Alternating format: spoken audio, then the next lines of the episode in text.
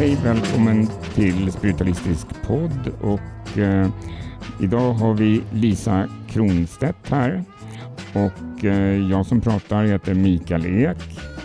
Och jag heter Prallan Alsten som också pratar. Och eh, välkommen Lisa till vår podd. Tack, skojigt att vara här. Vad bra. Och eh, du som jag förstår är psykolog och författare. Jag är inte legitimerad psykolog, jag är beteendevetare. Jag har psykoterapeututbildning och sen har jag läst ett antal andra kurser i psykologi. Och Mm. då också har skrivit två tarotböcker. Mm, det har jag gjort. Och då är det ju väldigt spännande att eh, just kopplingen mellan psykologi och tarot. För att din, du pratar ju om jungiansk tarot. Ja, egentligen är den titeln lite missvisande för själva taron är ju inte jungiansk utan det är egentligen det är alltså jungiansk tarottolkning. Alltså tarottolkning ur ett jungianskt perspektiv. Men jag kallar boken som jag skrivit för eh, jungiansk tarot. Och eh, du pratade om att just det här med arketyper och sånt där, det, det var ju Jung någonting, förde in mycket i psykologin. Och att det finns också i tarotkorten. Ja, just det. Tarotkorten bygger ju på, på symboler. Och eh, tarotkorten beskriver en allmänmänsklig kunskap. Och man kan tänka sig att symbolerna i tarotleken syftar på arketyper. Och vad är en... Nu måste vi nästan förklara vad är en arketyp också. Just det, det är kan man säga en för hela, en för hela mänskligheten eh, gemensam föreställning. Som eh, kommer till uttryck i till exempel symboler men även i roller och beteenden. Det Finns i filmer och sagor och litteratur överallt. För det är intressant, någonting som är gemensamt för mänskligheten. Idag har ju alla sin egen tolkning av allting och det finns inget rätt och fel och sådär, eller hur? Det, det blir, går mer och mer åt det hållet. Men ändå så skulle man kunna kanske enas om arketyper. Ja, så det är gemensamma, för, gemensamma föreställningar, gemensamma sätt att uppfatta världen omkring oss, våra upplevelser och, och beteenden. Sen hur det kommer till uttryck, det är olika för olika personer och i olika kulturer och i, olika tider. Men, men arketyperna, det är helt enkelt, det, det är alltså, man kan inte säga att en arketyp är en bild eller så, utan bilden är en symbol som syftar på arketypen. Och nämn till exempel en, om vi säger en arketyp. Ja. till exempel stora moden, så, så skulle man fråga alla människor i hela världen, i alla tider, överallt, vad, vad, tänk, vad associerar du till, kring begreppet stora moden? Då skulle många säga lite olika, men alla skulle också säga en del saker som är väldigt lika varandra.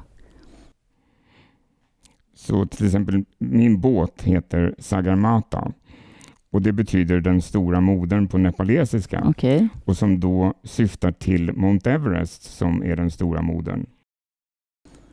Och då är, det, då är Mount Everest här då, eh, ett uttryck för någonting som vi alla har gemensamt. Till exempel att det är hållande, det är helt, eh, det är liksom kanske någonting väldigt genuint och stadigt. Kanske man tänker sig att livet kommer ifrån Mount Everest och att det har alltid funnits och det kanske representerar trygghet.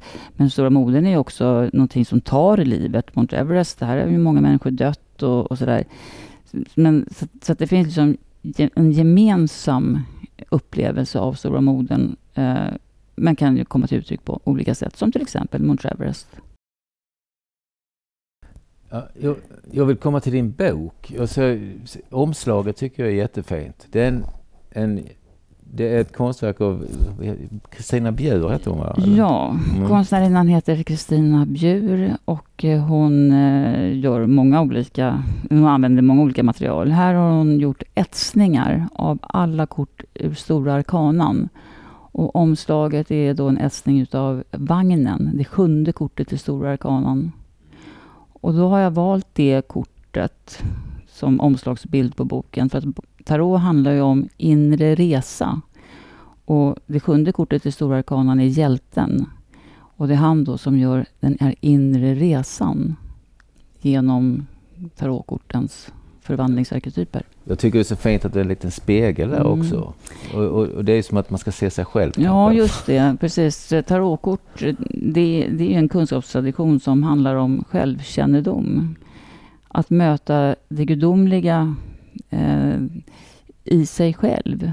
Och det är en, en kunskap som handlar om att, att söka, söka det inåt i sig själv. I sin egen spegelbild kanske man kan tänka sig. Mm. Ja, just det. För oftast många har ju svårt för döden och djävulen i Mm. tarotleken. Så de använder ju andra kort bara för att de ska slippa dem. Men Mm. det är någonting som vi har med oss själva hela tiden. Den svarta i oss själva som vi inte vill gärna se.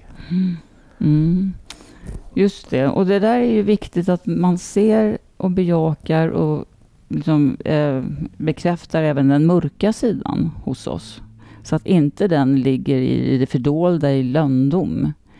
Eh, utan vår kontroll. Så eh, självkännedom handlar ju mycket om att se fördolda sidor. Men det, de fördolda sidorna är ju inte bara onda och svarta. Det finns ju, Nej. vi har ju också begåvningar och talanger som man inte känner vid. Utan som man istället projicerar på andra och tycker att andra människor är förträffliga. Ja. Nej, och se- sen, se- vi pratade lite innan sådär, zodiaken tar ju många in i, eh, i tarot. Och jag har aldrig liksom greppat det riktigt. Men eh, ja. man kan säga att det finns många esoteriska kunskapstraditioner som alla har det gemensamt. Att det är en, en eh, kunskapsväg till att finna, finna mm, andligheten i sig själv. Mm. Och där är astrologi en, ett exempel på det. Och det liknar ju tarot på många sätt. Har ju många gemensamma nämnare. Men det är inte tarot. Och att då som man ofta gör nu för tiden, man liksom eh, blandar ihop tarot och astrologi med varandra. Det kan man väl göra om man nu tycker att det är, är, är bra. Men personligen så tycker jag att det är synd. För att då, då tar man hänsyn till eh, de olika traditionernas gemensamma nämnare och slipa bort dess eh, unika egenskaper som de har var för sig. Och i de äldre korten där finns det inga astrologiska tecken. Och numera finns det ju i de moderna kortlekarna, då har man ju lagt dit då runor och i kingtecken och mytologiska motiv och allt möjligt. Och tarotkorten utvecklas ju precis som allt annat så att nu ser det ut så. Men de äldsta korten som man har funnit, där finns inga, ingenting annat än siffersymbolik och symboler för de fyra elementen och stora arkanans förvandlingsarketyper och lilla arkanans hovkort. Inga astrologiska tecken alls. Så egentligen så är det ju det som vanliga spelkort utan höga arkanan då alltså. Alltså lilla, lilla arkanan är identisk med en vanlig spelkortlek. Om man, i en, om man till den vanliga spelkortleken behåller de fyra jokrarna. Jaha. De finns i lilla arkanan Ja, som det, pager. Det är de som är pager. Mm. Mm. Ja, så lilla Så arkanan... de är, inte, de, är inte, de är alltså inte narren egentligen utan de är pager då? De är parser, ja precis. Mm, okej. eh, precis. Mm. Och parserna och narren har ju mycket gemensamt. Att de är det här leken, de står för lekens magi och det här spralliga och spontana kan man ju tänka sig. Mm.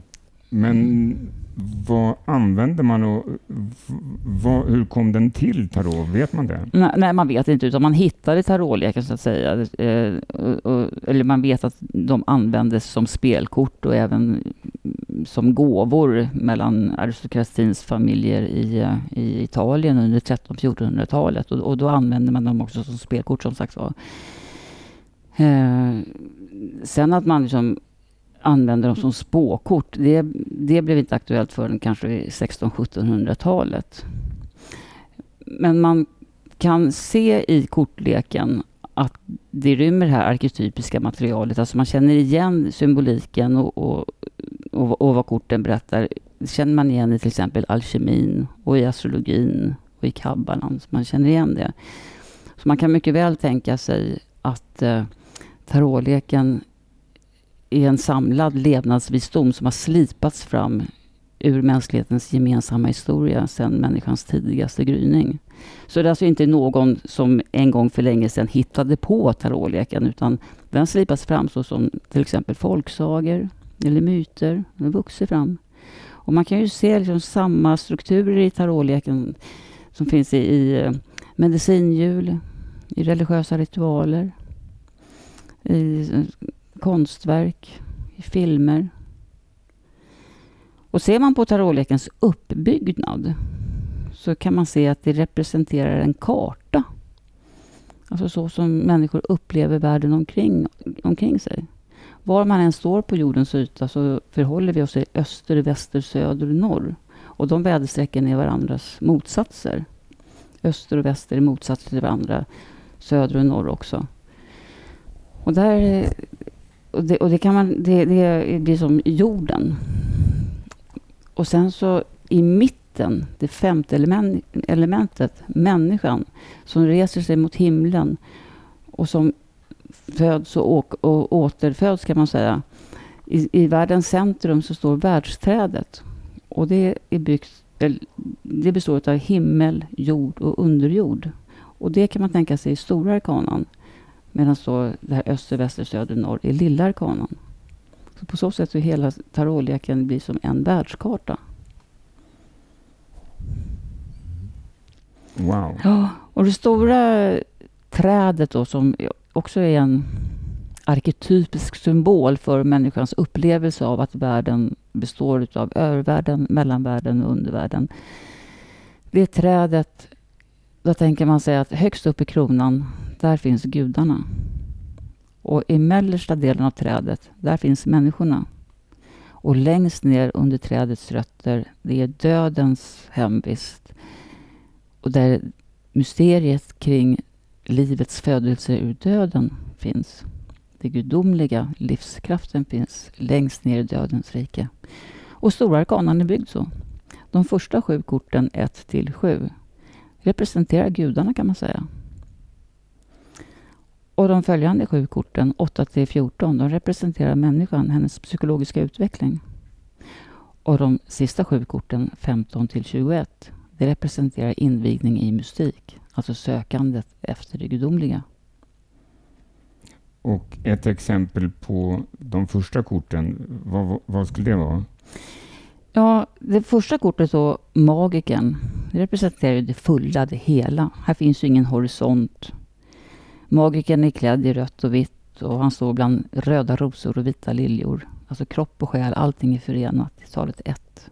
Och så delar han världen mitt itu. Så att de följande två korten är det kvinnliga och de följande två korten efter det är det manliga.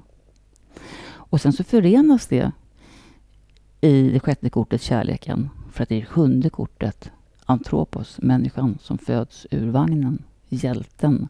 Och det är han då, det sjunde kortet, som ska göra hjältens resa. Och det gör han genom de följande sju korten, 8 till 14. Och då stöter han ju på lejonet först. Som representerar just att hitta och bejaka sin inre kraft, sina dolda sidor. Utveckla sitt ego som offras i nians kort, eremiten. Människan är i centrum och styr sitt öde i tians kort. Medvetandet är i zenit i elfte kortet, solens drottning. För att sen häng, liksom hängas upp och ner, tappa sitt fotfäste, ge upp i den hängande mannen. Medvetandet slocknar i dödens kort. Och det fjortonde kortet, alkemisten, där är människan individuerad, alltså hel kan man säga. Här står alkemisten i kortet med en fot i vattnet och en fot på land och medlar mellan världarna. Och sen de följande sista sju korten, då är det resan mot det gudomliga. Och då stöter han på då djävulen först. Som om han skulle prata, kunna prata skulle han säga Haha, du är fångad i illusionen att du är separerad från Guds kärlek. Men det är okunskap. Kortet är alldeles mörkt. Facklan håller han upp och ner. Och så fortsätter resan ända till universum. Så representerar den gudomliga människan dansar i harmoni med universums självorganiserande princip. Och över allt samman så svävar narren som en gudsande. Ja, på din hemsida så står det om narren. Det var det första kortet du beskriver ganska ingående där och det är ett utdrag från din bok. Men förklara narren lite för jag, jag läste det här och, och det, det, är liksom, det är väldigt eh, väldigt mycket och det är säkert väldigt fel, ja, feltolkat av många också. Eller i alla fall jag då som mer tolkar det intuitivt som Pallan också gör. Mm. Alltså det var väldigt mycket i det hela. I det här sammanhanget kan man kanske inte säga sådär fel eller rätt, utan det är väl kanske mera vad som känns meningsfullt och, och, och kan betyda någonting. Så som jag tänker mig i alla fall, narren, det är nollan. Och nollan är en cirkel. Och cirkeln är en eh, arketypisk symbol för det gudomliga. Alltså människor i hela världen i alla tider har beskrivit det gudomliga som just en cirkel. Så narren är det gudomliga. Det är ofattbara och man kan säga, precis som nollan då, att det är det tomma.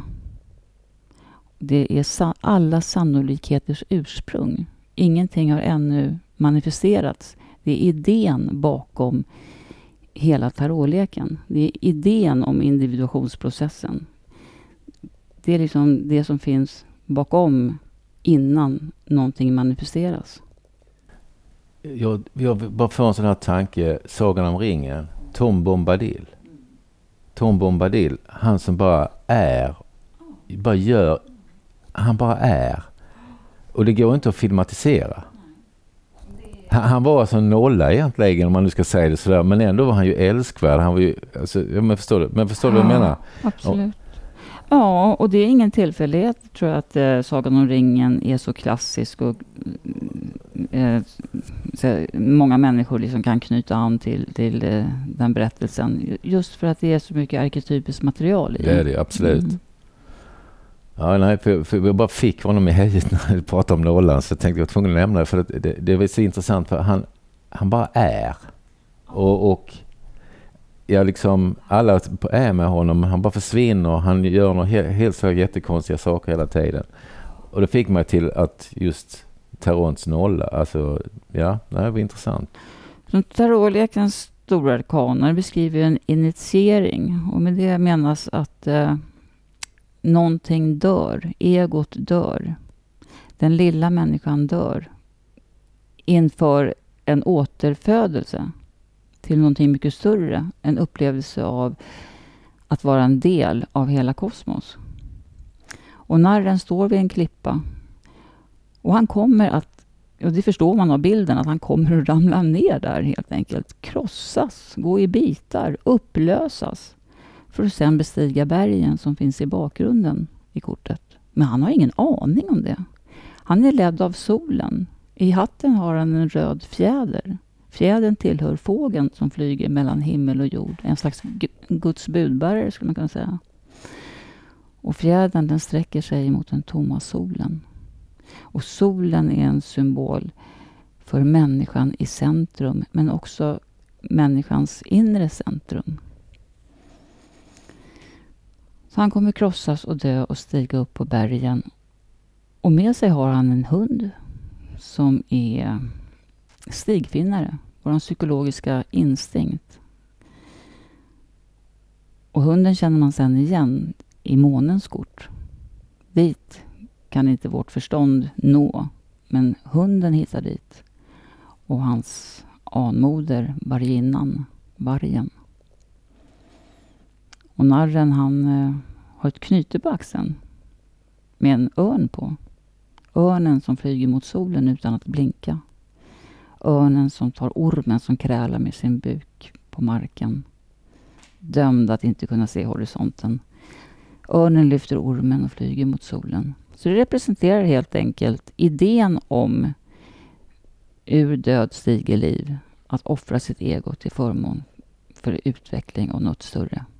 Så är hela kortleken, hela Stora kanan är en berättelse om människans medvetandeutveckling och hennes sökande efter sitt gudomliga ursprung och upplevelse av sig själv som gudalik.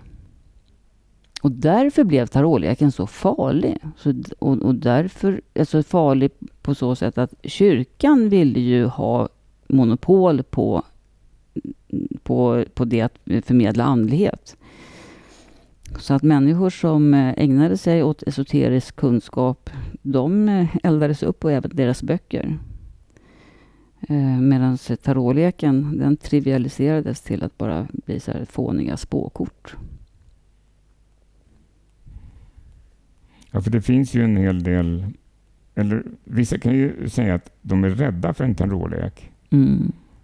Det låter ju ganska konstigt att, att det finns en rädsla runt den här. Eh, att ta fram en tarotlek kan vara...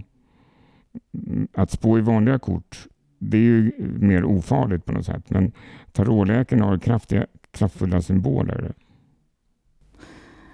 Ja, det där, jag föreställer mig att det här är ett arv från kyrkan helt enkelt. Att man har då eh, försökt att förmedla att människor som söker själva och inåt och använder verktyg för att göra det, att det är förknippat med djävulen. Men, Mm. Det är väl samma sak med Dr. Glas när man sitter där. Du menar anden i glaset? Anden i glaset menar jag. Just det, anden i glaset. Mm. Men alltså det, det är samma sak. Det är nog inte så farligt om man som vi skulle göra det. Men det är väl det de vill att ungdomar gör. Men det är ingen som har fått med än vad jag vet. Men det kanske har hänt. Nej, det, det, jag tror att det är kyrkan som skrämmer människor att söka själva. För då förlorar kyrkan sin makt Precis. och människan inte behöver kyrkan. Men, men när jag hör dig prata så har du så...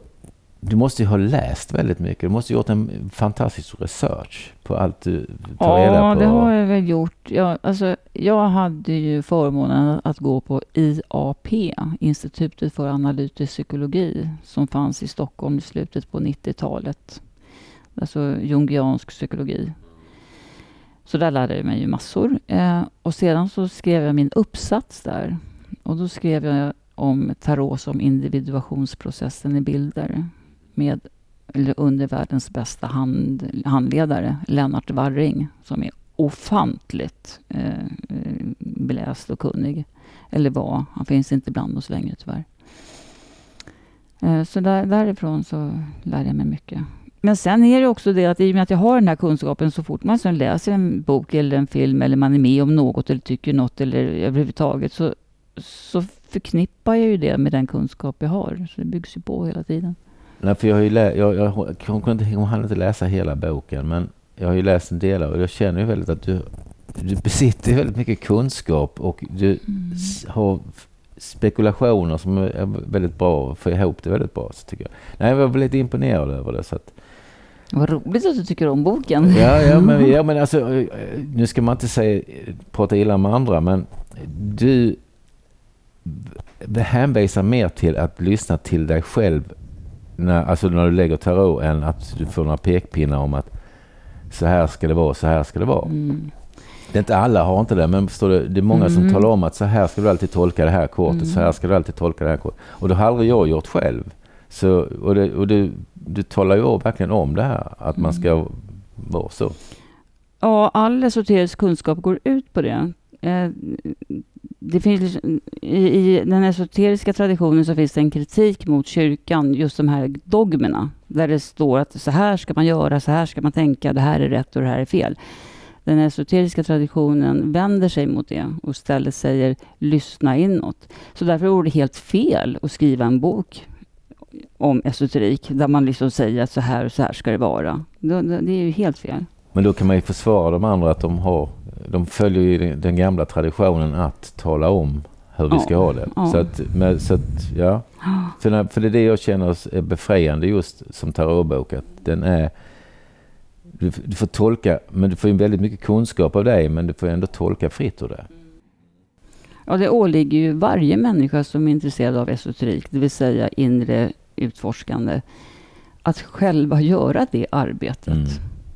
Självklart. Ja. Men det, Men det finns ju, tarotleken har en egen grammatik. Och det är den som jag försöker att förmedla genom boken. Och kan man den grammatiken, då kan man tolka vilken kortlek som helst sedan. Man behöver så aldrig mer slå i någon bok. Alla böcker är ju liksom författade, så att det är ju författarens eget tolkningsförslag och det är egentligen ointressant. Mer än som en inspiration eller ett förslag. Men det är ju inte vad korten betyder. Men kan man grammatiken och förstår kortens logik, då, då, eh, då kan man göra sina egna tolkningar. Och det, det finns ett väldigt ett arketypiskt system som bygger på det här med att kort, hela kortleken är byggd som en världskarta kring talet sju faktiskt. Man tänker sig att det är 78 kort i en, kortlek, i en tarotlek, men man kan mycket väl tänka sig att det är 77 kort. Narren är oräknad. Det är en Guds ande, nollan. Den har liksom ingen siffra.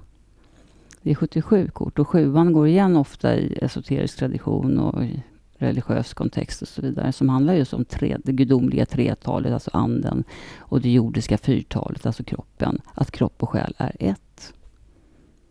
Ja, nu, nu talar du siffror. Jag, jag tyckte det var rätt roligt att läsa just om siffrorna också. Hur man ser, alltså, ja, nu har jag inte det i huvudet, men alltså varje, som du betraktar varje siffra så tycker jag det är också rätt fantastiskt. Som femman som mer fri, kreativ.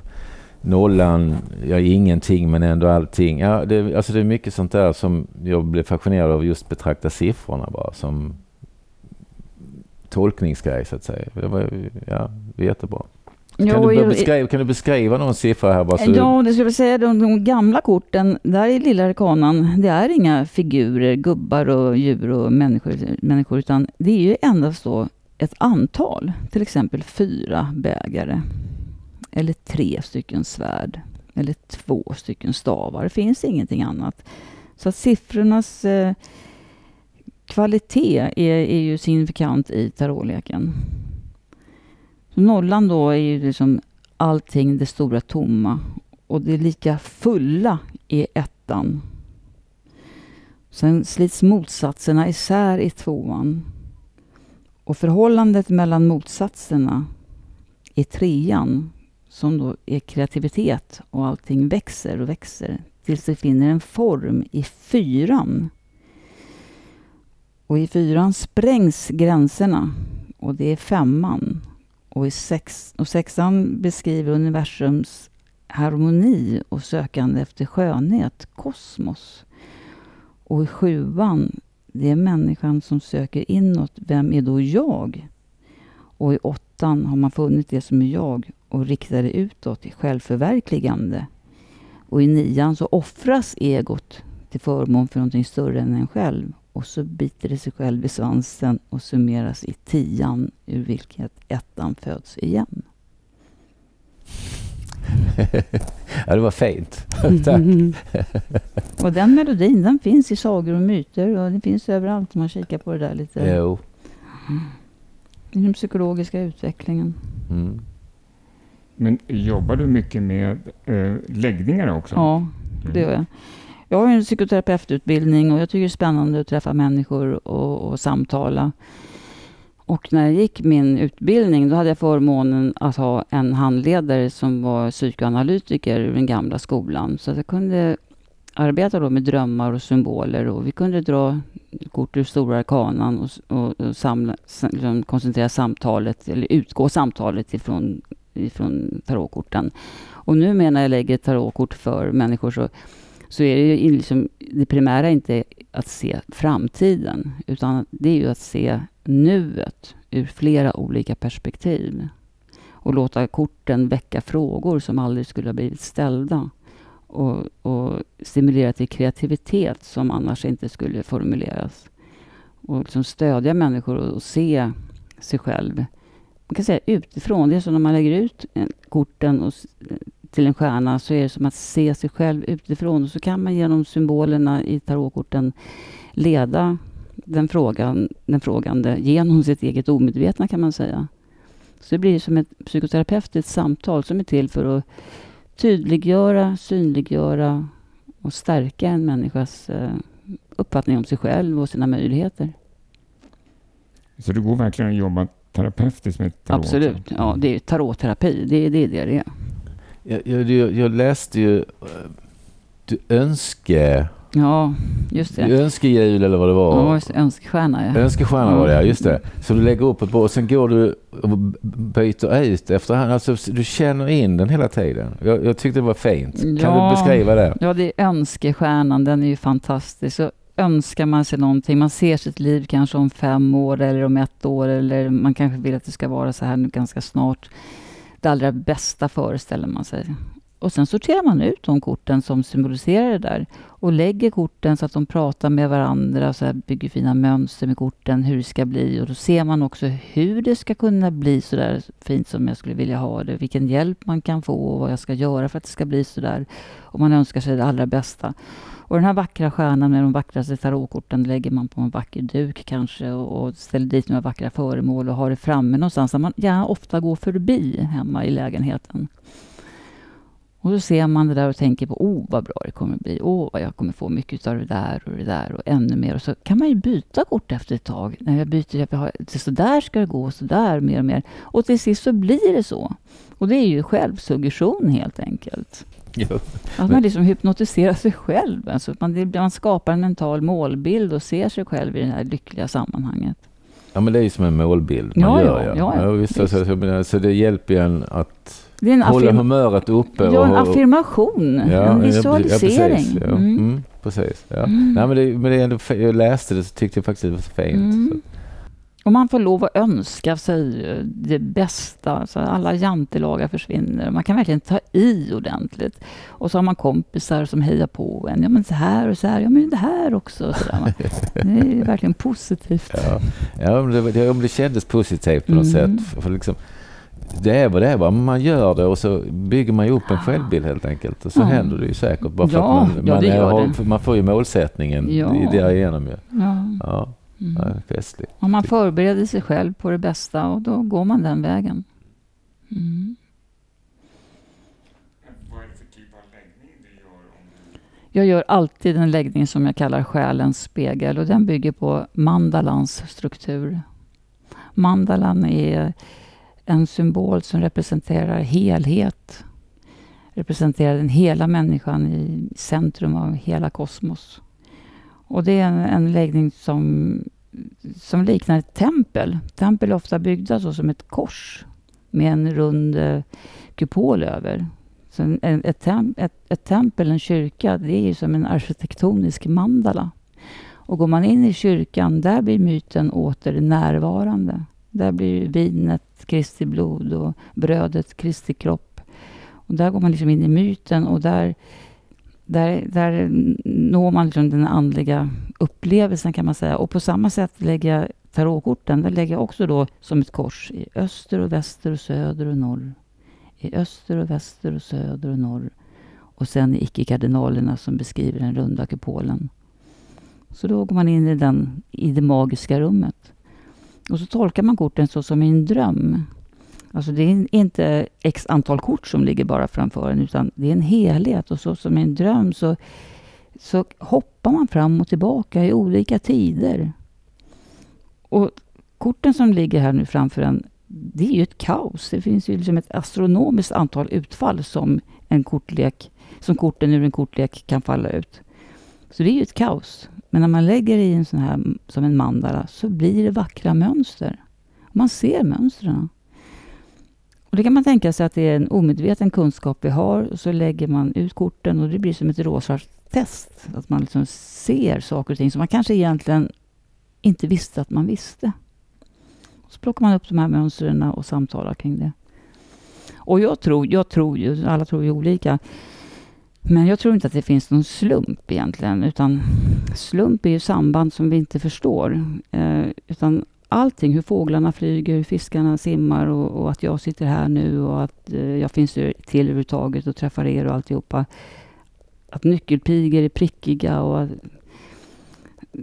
att det universum ser ut som det gör helt enkelt. Allting är mönster och likadant är det så när man lägger ut korten. Det är också mönster.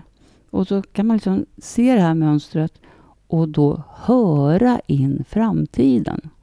Sen behöver det inte bli så i framtiden, för det kan hända något helt, annat. Men man ser mönstret och kan på något sätt ana framtiden åt vilket håll det lutar. Men framförallt så kan man ju se vad så mycket mer som finns i nuet. Och så vilka möjligheter som finns. Ja, men det är väl ändå nejet som är viktigast. För det, Ja. alltså, det är där du utgår från att din framtid ska bli. Ja, och just det här eh, tanken att man lägger ut kort och, och kan se framtiden. Det, det tror jag inte på. Alltså, I min värld så har framtiden inte hänt ännu, så man kan liksom inte se det. I så fall så fanns det inga oönskade graviditeter och inga krig och ingen aktiemarknad heller. Och själv hade jag gjort bra mycket bättre val i mitt liv om man kunde se framtiden. Men man kan få en förståelse, precis som du säger, för nuet. Ja, för personliga viljan finns ju. Jag menar, om någon säger att du ska träffa en, en kvinna på, ja, på ett ställe, så ja, men då går jag inte dit och träffar jag aldrig henne. då har man ju redan brutit, brutit det. Så, så den personliga viljan kan man aldrig gå emot ju. Eller Nej. man kan väl förutse någonting kanske, men man kan inte... Ja, man kan från nuet eh, lyssna in vart det bär hän sannolikt. Ja, Mm, sannolikt åt vilket håll Men- det men Men, man, man kan kan inte se aldrig- vad som exakt Nej. händer. Nej. Men du skulle inte säga att du spår i kort? nej, det gör jag inte. Nej, jag spår inte i kort. Och, alltså, jag skulle tro på, jag, jag, jag, jag tänker att det finns mönster som sagt var. Så att man skulle lika gärna kunna då kasta tärningar eller runor eller vad som helst. Alltså allting som blir ett kaos behöver inte vara tarotkort. Kaffesumpen, när man har druckit upp sitt kaffe och så finns sumpen kvar där, den bildar ju ett mönster. Och det är ingen tillfällighet. Allting är ju liksom, jag tror inte på slumpen helt enkelt. Utan det här mönstret finns överallt, hela tiden. Överallt faktiskt.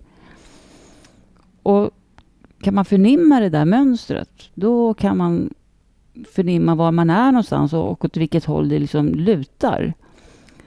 Tarotkorten är inte mer, det blir inte mera mönster i tarotkorten än, än i en myrstack eller i vad som helst. Ja, för man kan ju till exempel ta, ta fotografier på vatten. eller- Mm. Och, och, och att o- det kan spegla olika känslostämningar. Absolut. Över, ja. Jag är helt säker på det, att allting hänger ihop.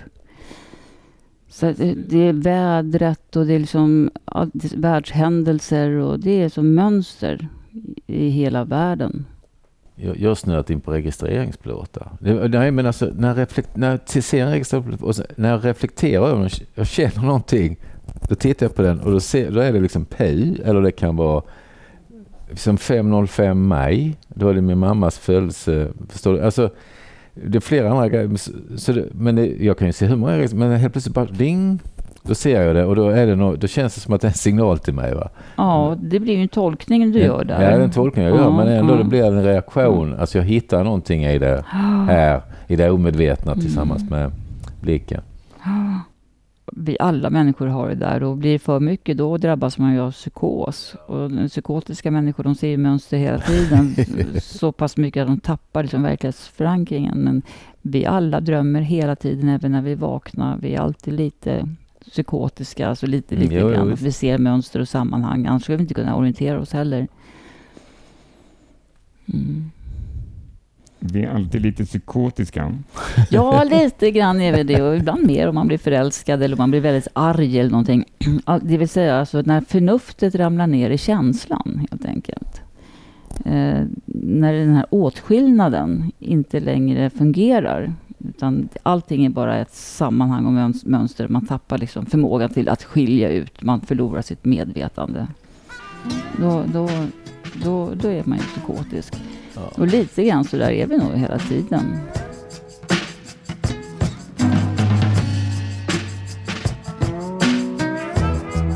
Tack Lisa Kronstedt för det intressanta samtalet.